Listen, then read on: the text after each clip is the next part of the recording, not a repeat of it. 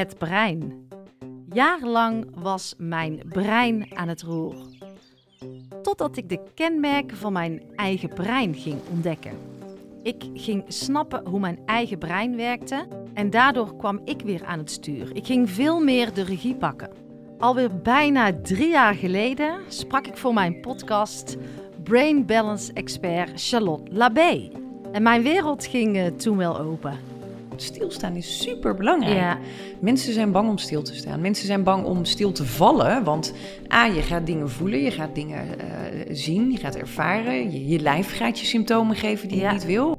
Dus dat betekent wanneer we in een ontspannende modus zijn en stilstaan, dat ons brein zich goed kan ontwikkelen, dat hij gezond kan blijven. Welkom bij Stilstaan met Ankie. Een moment voor jezelf, jouw spiegel. Een plek waar je kan opladen en ontladen. Waar vertragen normaal is en waar het hoofd uit mag en jouw hart aan. En als ik achter mijn microfoon kruip, gebeurt er iets magisch. Vraag me niet hoe, maar één ding is zeker: ik geef jou vertrouwen zodat jij jezelf en jouw volle potentieel ziet. Voor de oplettende luisteraars.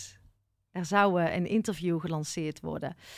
En ik ben wel iemand die niet heel ver vooruit plant. Ook echt in het moment mijn gasten zoekt. Vaak lukt dat. Soms moet ik wel wat plannen. Eh, werkt het ook zo. Maar het liefst werk ik in het moment waar mijn energie naartoe gaat. Daar wil ik mijn licht op schijnen. En dan mag het ook gewoon gebeuren dat eh, het een keer niet goed uitkomt voor een gast. Of dat er door onverwachte redenen ehm, het gesprek niet door kan gaan. En dat was nu. En dat nodigde mij uit om ook te gaan nadenken van Anke, wat ga je dan doen? Want ik vind het niet eerlijk en fair om dan maar iemand als gast uit te nodigen om de plek te vullen. Want ik moet hem ook voelen, want dan kan ik eh, het beste mijn licht schijnen. Dus ja, het nodigde mij uit om ook eens op een andere manier naar mijn podcast te kijken. En dat kwam ook wel door mijn vorige gast, Reinier de van der Schuren. Die zei ook, Ankie, je hebt 175 afleveringen gemaakt. Je hebt zoveel gasten gesproken. Ga het ook weer op een andere manier inzetten. Want heel veel mensen weten niet eens dat jij allerlei toppers hebt gesproken. Richard de Let, Charlie Lonois, Thijs Launsbach, Giel Belen, Tisha Boy J, professor Lisbeth van Rossum, professor Jan Rotmans, journalist Wouter van Noord, schrijfster Elke Wis van het boek Socrates op sneakers. Eh Arie Boomsma is voorbijgekomen. Toch wel een rijtje om trots op te zijn, maar ik heb ook zoveel andere mooie mensen gesproken. En ik ontwikkel, zij ontwikkelen. En ik dacht, nou, laat ik eens opnieuw naar een aflevering gaan luisteren. En laat ik dat dan eens koppelen aan mijn eigen levensverhaal, mijn eigen inzichten. En eh, ja, de eerste persoon bij wie ik dat wil gaan doen is Charlotte Labé. Ik sprak haar in de zomer van 2020. Ik ging toen eh, naar Rotterdam, had eh, nog geen eigen studio. Dus ik stapte altijd in de auto en joh, ik ben heel Nederland doorgereisd om op gesprek te gaan met mijn gasten. En er is wel iets bijzonders wat ik wil vertellen over Charlotte Labé. Want Charlotte is al een lange tijd op mijn pad. En ik volg ook haar ontwikkeling. Ik vind dat super mooi om te zien. Ik heb haar eerste boek gekocht. En ik ben op dit moment haar allerlaatste boek aan het lezen. Jouw krachtige brein. En het is ook gewoon gaaf om haar eigen proces te zien. En ieder mens ontwikkelt, ook ik. En toen ik startte met mijn sabbatical, dus toen ik nog helemaal niks begreep van het stilstaan, dat was in de zomer van eh, 2019. Ik was klaar met mijn interimklus bij de Universiteit van Eindhoven. En op de dag dat ik daar stopte, had ik s'avonds een lezing van Charlotte Labé. Dat weet ik nog heel goed. Het was in Eindhoven, in pand P. En er zat toen nog, eh, nou, ik denk hooguit 19 man. Het was klein, het was warm. Maar de informatie die zij deelde raakte mij. En het heeft enorm veel bij mij in beweging gezet. Ik ben gaan nadenken over mijn eigen brein. Ik ben heel veel gaan lezen. En dat heeft voor veel beweging gezorgd in mij als mens. Er is veel ontwikkeld, veel in beweging gezet. Maar daardoor snap ik ook veel beter het stilstaan. En kan ik het stilstaan ook beter begrijpen en toepassen. En stilstaan is voor mij ook echt een proces van ontwikkeling. Ik blijf steeds diepere lagen van stilstaan ontdekken. Ooit begon het gewoon bij meer tijd voor mezelf nemen, kruisen in de agenda's. Het blijft een proces van vallen en opstaan. En tegelijkertijd ga ik het steeds ja, dieper integreren en toepassen. En dat is wel heel erg lekker. We zaten daar dus destijds met een man of 19. En nu uitverkochte zalen, uitverkochte Brain Balance Tour in Nederland en België. En kunnen we gewoon niet meer om deze vrouw heen. Dus uh, je hoort dadelijk wat fragmenten van Charlotte uit het uh, interview wat ik met haar had. Dat was episode 10 van mijn podcastkanaal. Dus misschien vind je het leuk om het hele interview nog eens te luisteren. Ga dan even terug naar episode 10. Dus je hoort Charlotte enkele fragmenten en dan kom ik daarna met wat bevindingen, inzichten van alle reeds opgedane kennis. Dus ik hoop dat je het leuk vindt. Laat me vooral weten, want dan gaan we dit vaker doen. En waar ik je toe wil uitnodigen, blijf vooral op zoek gaan naar jouw eigen waarheid. Blijf zelf onderzoek doen. Blijf ook kritisch. Wat resoneert bij jou, wat niet? En dat kan voor jou anders zijn dan voor mij. En uh, ik citeer nog een klein stukje uit het uh, boek Overprikkeld Brein van Charlotte. Luister naar je intuïtie. Volg je gevoel en ontdek vooral waar jij behoefte aan hebt. Sta daar eens wat vaker bij stil en stel jezelf daarbij de vraag: wat heb ik echt nodig? En uh, zo hoop ook ik dat jij naar uh, deze aflevering luistert. Veel luisterplezier. Ik wens je hele mooie inzichten. Ja, voeding voor gezonde hersenen. Um, we zijn denk ik allemaal wel heel erg opgevoed in de maatschappij. Voeding voor een gezond lijf. Wat mhm. natuurlijk hartstikke belangrijk is. Maar daarbij zeg ik, ja, wanneer je brein niet goed functioneert en niet de juiste voedingsstoffen binnenkrijgt, uh, ja, dan functioneert eigenlijk je fysieke gestel ook niet. Dus dan stopt je lijf er eigenlijk ook mee. Ja. Dus die voedingsstoffen zijn zo belangrijk voor onze hersenen. En als we dan ook kijken naar dat 20 tot 25 procent van de voedingsstoffen die we binnenkrijgen direct naar onze hersenen gaat. Kijk, wanneer we helemaal in balans zijn en ontspannen zijn en lekker in ons vel zitten. Zeg je 25 procent? Ja, kijk, ja, wanneer we dus ontspannen zijn en goed in ons vel zitten, is het 20 procent. Mm Maar wanneer we gestrest zijn, gehaast zijn, niet in balans zijn, dan gaat er wel 25 procent naar ons brein. Terwijl onze hersenen maar 2% van ons totale lichaamsgewicht is. Dus, dat kijken. is onwijs veel wat dat kleine orgaan opeist. Ja, en dus naarmate je meer stress ervaart, vraagt het nog meer. Ja, ja, ja. precies. En, en ja, dat weten we denk ik allemaal. Mhm. Heel veel mensen zijn gestrest tegenwoordig. Ja. Zo'n 90% van Nederland ervaart chronische stress. Dat betekent dat we veel meer voedingsstoffen nodig hebben mhm. dan wanneer we met z'n allen in balans zijn. Ja, en dan is het ook zeker gezonde voedingsstoffen heel erg belangrijk. En um, ja, ik merk dat zelf ook wel. Dat ik um, nu eindelijk weer voel wanneer ik stress in mijn lijf heb. Ja. En als ik terugkijk, heb ik daar denk ik, heb ik dat tien jaar lang enorm gehad, maar nooit gevoeld. Mooi hè? Ja. Dat is echt iets wat. Ik krijg zo vaak de vraag ook tijdens mijn lezingen en trainingen. Maar oké, wanneer voel ik dat ik stress heb? Ik zeg eigenlijk, deze vraag die je stelt, geeft wel aan dat je totaal de connectie en de bewustwording met je lijf kwijt ja. bent. Ja. En uh, dat is best wel schrijnend, want het is heel belangrijk om te gaan herkennen wanneer het er is en wanneer het negatief is. Want er is een verschil. Kijk, stress is niet altijd negatief. Nee. Uh, veel media schrijven negatief over stress. Dat vind ik echt zonde. Want stress is ook juist heel positief. Ja. Um, maar het weten wanneer is het positief en werkt het voor me, wanneer wordt het negatief. Dat is zo'n belangrijke les eigenlijk, ja. of een gegeven. Wauw, 20% van onze voedingsstoffen gaat dus naar dat prachtige brein van ons. En als we nog eens gestrest zijn of uit balans zijn, is dat 25%. Gisteren had ik het gesprek nog met mijn man hierover en met vrienden die bij ons zaten van hoe weten we nou eigenlijk wat gezonde voeding is? Kon je maar eens een supermarkt inlopen en naar de afdeling gezonde voeding gaan?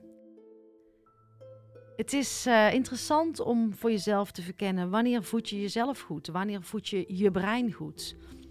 Zou je daar kennis over op willen doen? Vind je het belangrijk? Vind je je eigen lichaam belangrijk? Vind je je eigen brein belangrijk? En herken jij stress?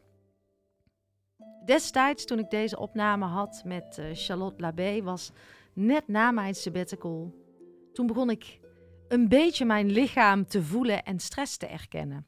Ik ben daar jaren overheen gegaan. Ik kende niet wat stress was. Ik voelde het niet, ik ging daar overheen. Ik kon dat volledig elimineren en maar doorgaan. Ja, een aantal reflectievragen gewoon die ik even met je wil delen en een uh, momentje van bezinning. We gaan uh, door met Charlotte. Ik uh, vroeg Charlotte, waarom is het toch zo lastig om uit onze eigen red race te stappen? We verlangen allemaal naar meer rust, maar ehm, ja, dat maar doorgaan, daarin blijven doorgaan. Hoe komen we hieruit? Um, het, het maar doorgaan, nou, dat is, dat, is, dat is gewoon een programmering van ons brein. Het is letterlijk ooit eens een keer verteld van... goh, hè, uh, niet zo zeuren, doorgaan. Mm uh, misschien is dat een keer een moment geweest in je jeugd... dat je niet helemaal lekker was en dat je zei... ja, maar papa, mama, ik voel me niet lekker, ik wil niet naar school. Nou, kom op, schat, valt best wel mee, gewoon doorgaan, ja. komt goed. En daarmee leert dat brein eigenlijk um, de symptomen die we hebben te negeren... Mm -hmm. Uh, het gevoel wat we hebben te negeren en door te gaan. Wij, ja. wij zijn heel erg in Nederland vooral, hebben wij heel erg geleerd. Ja, um, niet lullen, maar poetsen. Ja, precies. wou net zeggen. Hier in Rotterdam zeggen we niet lullen, maar poetsen. Ja, ja precies. Uh, ja, dat, en dat, dat is, ik vind dat ook uh, tevens een hele mooie eigenschap hè, van de mensheid. Dat we gewoon hard kunnen werken. En, er is niks mis mee. maar ik, ik, wel in balans. Wanneer die ontspanning er is, wanneer die juiste voedingsstoffen er zijn, wanneer er voldoende slaap is, weet je, wanneer dus die verrijkte omgeving van dat brein, en jij noemt ook stilstaan. Stilstaan is super belangrijk. Ja. Mensen zijn bang om stil te staan. Mensen zijn bang om stil te vallen, want A, je gaat dingen voelen, je gaat dingen uh, zien, je gaat ervaren. Je, je, lijf gaat je symptomen geven die je niet wil, want eigenlijk is dat lijf op en wanneer je stilvalt, dan uh, komt dat eruit. Hè. Dat ja. zie ik ook heel vaak bij mensen die op vakantie gaan. Dan hebben ze drie weken vakantie en dan zijn ze de eerste tien dagen doodziek. Ja, Waarom? Dat systeem komt in één keer tot rust en heeft geen idee wat hem overkomt. Dus ja, er is nog een hoop werk te doen. Er is zeker nog een hoop werk te doen. En nu, drie jaar later, heb ik ook zelf weer prachtige inzichten opgedaan. Charlotte praat over een programmering van ons brein. Van altijd maar doorgaan, uh, niet lullen maar poetsen. Uh, stilstaan is achteruit gaan. Dat zijn allemaal programmeringen die we hebben. Waardoor we maar door blijven gaan. Het zit echt tot diep in ons uh, celsysteem. En als ik het dan over mezelf heb, zat dat zeker heel diep in mij. Ja, ik ben hier om het stilstaan te komen brengen. Maar dat wil helemaal niet zeggen dat ik het stilstaan al volledig helemaal doorleef. Ik word ook wel eens teruggefloten. En drie jaar geleden was voor mij stilstaan iets meer tijd voor mezelf nemen, een kruis in de agenda. Maar nu, drie jaar later, leer ik steeds dieper het stilstaan te belichamen. En dat is het mooie van, van mijn proces. Ik kijk weer zo anders naar stilstaan dan drie jaar geleden. En je bent er altijd en je bent er ook nooit. En nog even terug naar die programmeringen waar Charlotte over sprak. Die zijn hardnekkig, daar ben ik wel achter in mijn eigen onderzoek. Ik kwam er ook achter dat ik dus handel voor 95% vanuit mijn onderbewustzijn. En dat uh, doe ik trouwens niet alleen, dat doe jij ook. En hoe komen al die programmeringen en overtuigingen dan in ons onderbewustzijn? Dat is niet meer dan een herhaling van gedachten, van dingen die tegen jou gezegd worden of zijn. En uiteindelijk wordt dat jouw waarheid, worden dat programmeringen en overtuigingen waarna jij gaat handelen. En als je hier dus niet bewust van bent, dan handel je altijd onbewust vanuit jouw onderbewustzijn. En ik noem het ook wel een beetje de automatische piloot. Dan is er geen bedenktijd tussen een stimulus en een uh, respons. En dan zijn dus eigenlijk altijd jouw patronen aan het woord. En uh, in een podcast die ik ook eerder had met uh, Edwin Selei, die zei eigenlijk dat hier drie imprints voor zijn. En de eerste is tot aan uh, een jaar of acht. En dan is het kinderbrein echt nog een spons. En dat is eigenlijk wel de belangrijkste periode waardoor er allerlei overtuigingen en patronen in jouw onderbewustzijn komen. Nou ja, dan heb je de lagere schoolperiode. Uh, wat zegt de leraar? Wat zeggen je vriendjes? En dan komt ook nog eens de puberteit. En uh, Edwin gaf ook aan, zo rond je twintigste zitten al jouw overtuigingen en programmeringen er wel in. En het is interessant om dat voor jezelf eens uh, te gaan ontdekken en verkennen van hoe komt het eigenlijk toch waarom ik doe zoals ik doe. En het mooie is dat je dat ook kan veranderen. En uh, daar ben ik vol mee aan de slag gegaan. En het heeft me zo ontzettend veel gebracht dat ik het ook alleen maar jou zou gunnen. En mijn missie is natuurlijk veel meer dat stilstaan en verstilling brengen. Dat dat veel meer het nieuwe normaal is. En ik vroeg Charlotte toen ook destijds van waarom is dat dan zo goed voor ons brein? Nou, letterlijk bijvoorbeeld een van de dingen die gebeurt wanneer we stilstaan en ontspannen, is dat onze hersenen de ruimte krijgen om de neurale netwerken, dus eigenlijk de hersencellen, de hersennetwerken, um, te gaan updaten. Mhm. Nieuwe informatie op de juiste plek te zetten. En er komt een groeihormoon, dat noemen we BDNF, Brain mhm. Derived Neurotrophic Factor, moeilijk woord.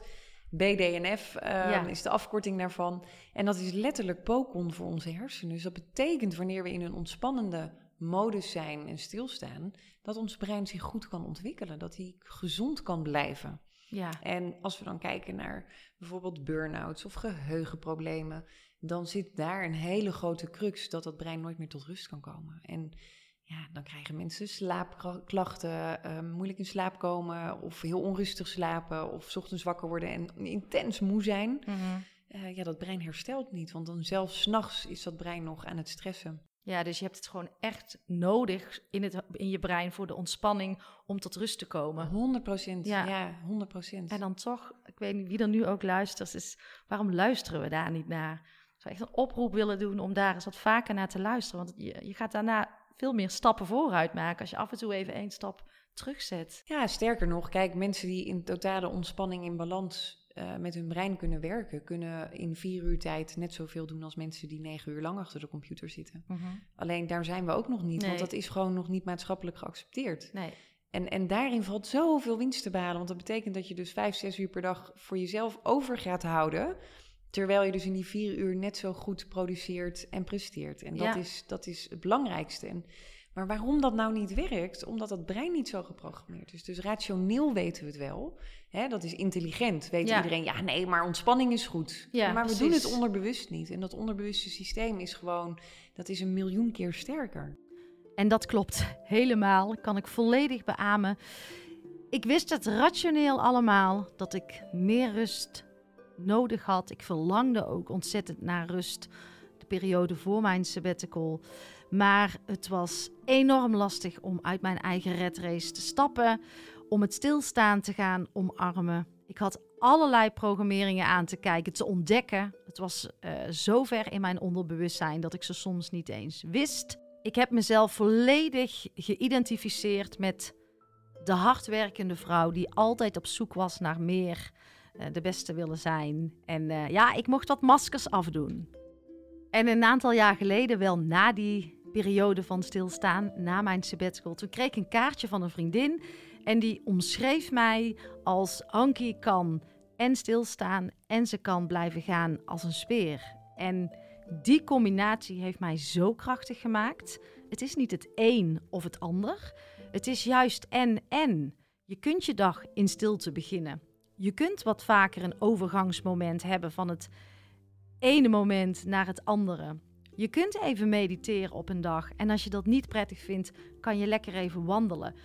En juist door dat te doen en ook veel meer naar mijn eigen energie te luisteren, naar mijn lichaam, het voelen weer in mezelf ontdekken, want dat is ook stilstaan, um, volg ik veel meer die energie.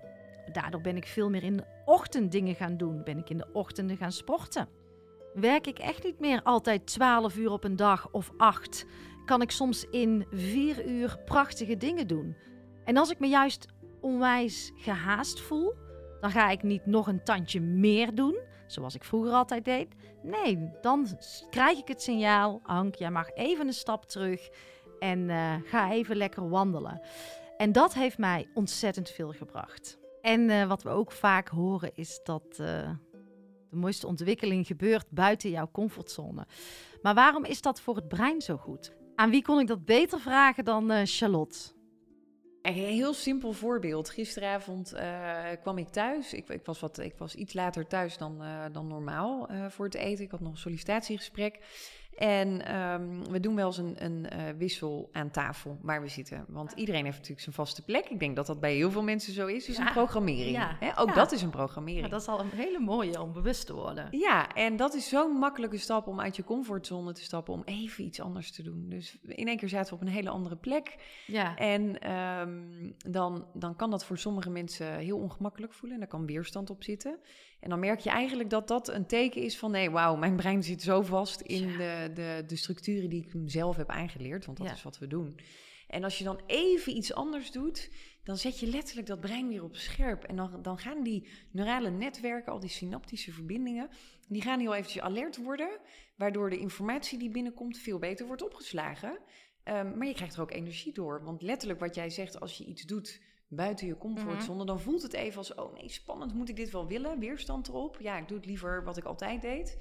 Maar als je het dan gedaan hebt, dan ja. ben je zo trots. En dat is dan nu niet met op een andere stoel gaan zitten, want daar hoef je niet per definitie trots voor te zijn. Ehm, maar die energie die je je brein geeft, en daarmee dus je hele zenuwstelsel. is super waardevol. Dus je boost gewoon je ja, immuunsysteem. ja, Je kunt hè, op een andere manier jezelf aankleden. Vaak hebben mensen toch een voorkeur van bijvoorbeeld wanneer je in een spijkerbroek stapt, rechterbeen eerst of linkerbeen ja, eerst. ja. Dat zijn ook allemaal dingen, wanneer je dat al anders gaat doen, dat dat brein denkt, huh, in plaats van 's avonds douchen, 's ochtends douchen, kan heel ongemakkelijk aanvoelen. Ja. En dit zijn al hele kleine stapjes die uiteindelijk dat brein op een andere manier, zijn neuroplasticiteit, die beweging in dat brein kan gaan ja, inzetten. want iedereen kan veranderen, schrijf jij ook, hè? Iedereen kan veranderen. Ja. Ja. En dat is dus inderdaad die neuroplasticiteit. Dat betekent letterlijk dat ons brein maakbaar is. Ja, En dat jij zelf kunt bepalen wat je erin stopt en wat je eruit krijgt. ja, machtig interessant. En dat vond ik toen al en dat vind ik nog steeds. En ik vind het steeds interessanter worden, omdat ik steeds meer mogelijkheden zie voor mezelf om aan mijn eigen stuur te zitten.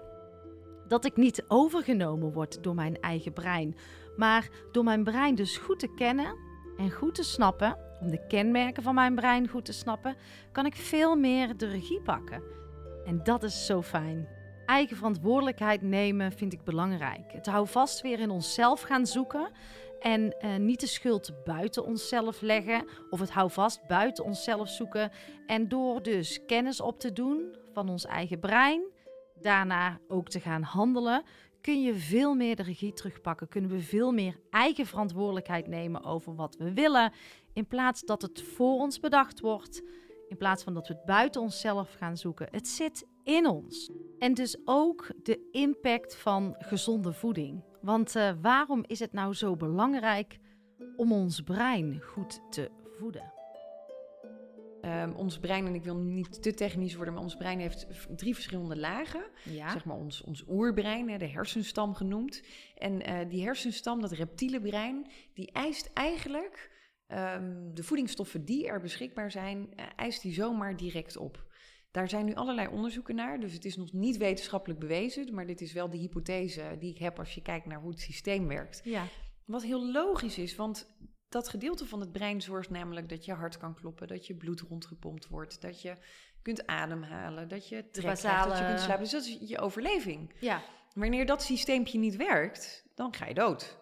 Dus het oerinstinct van overleven is dat, dat die kern van, van dat stuk van het hersenonderdeel, die moet goed gevoed worden. Maar dat betekent wanneer wij dus niet voldoende voedingsstoffen binnenkrijgen, dat er geen voedingsstoffen naar ons geheugen gaat. En dat er geen voedingsstoffen naar onze planning en ontwikkeling gaat. En dat we dus die hele persoonlijke ontwikkeling bijvoorbeeld overslaan. Of dat de amygdala, die zit in het limbisch systeem, dat staat voor angst en emotie Mhm, mhm. dat die geen voedingsstoffen krijgt. Maar wat denk je wanneer dus het gedeelte wat bij ons angst veroorzaakt geen voedingsstoffen krijgt? Dan wordt het nog Die gaat op spanning staan. Ja. We worden angstig, we krijgen stress.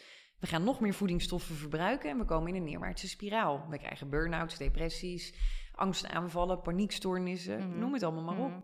Het is zo logisch. Alles begint bij gezonde voeding.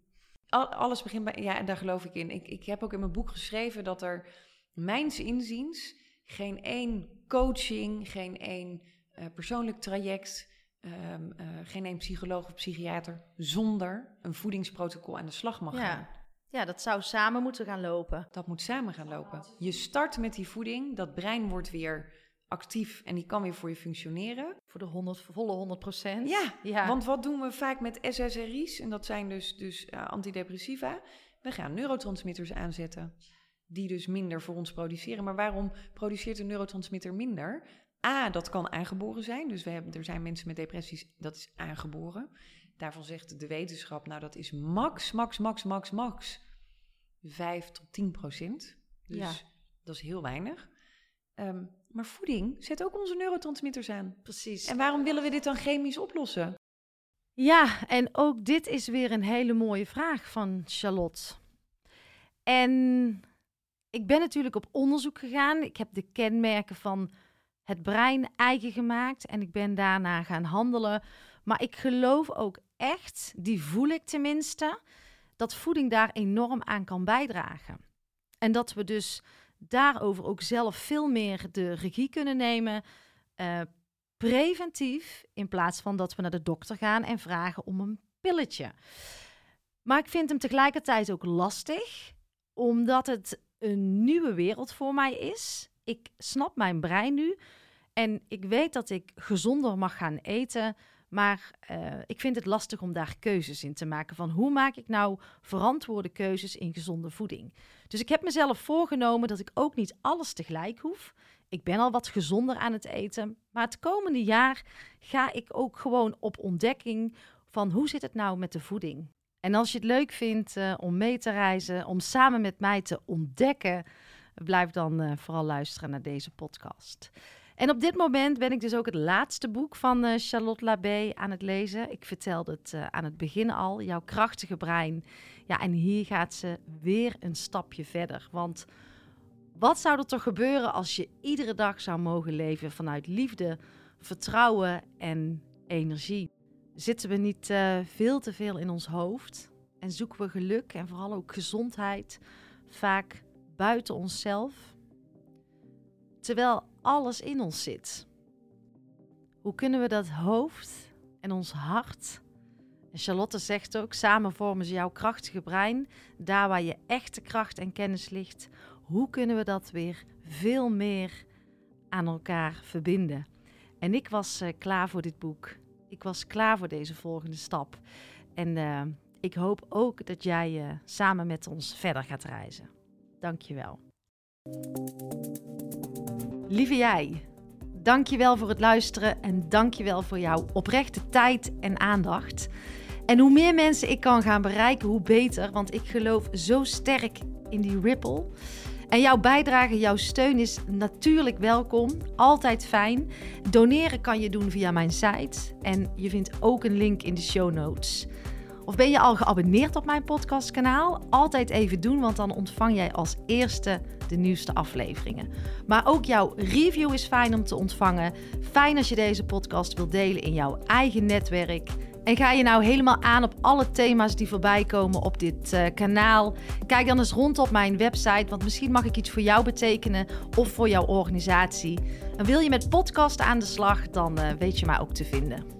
Op mijn website www.ankievansteen.nl ga je alles vinden over mijn aanbod en ik zou het leuk vinden om een keertje kennis te maken. Tot de volgende podcast.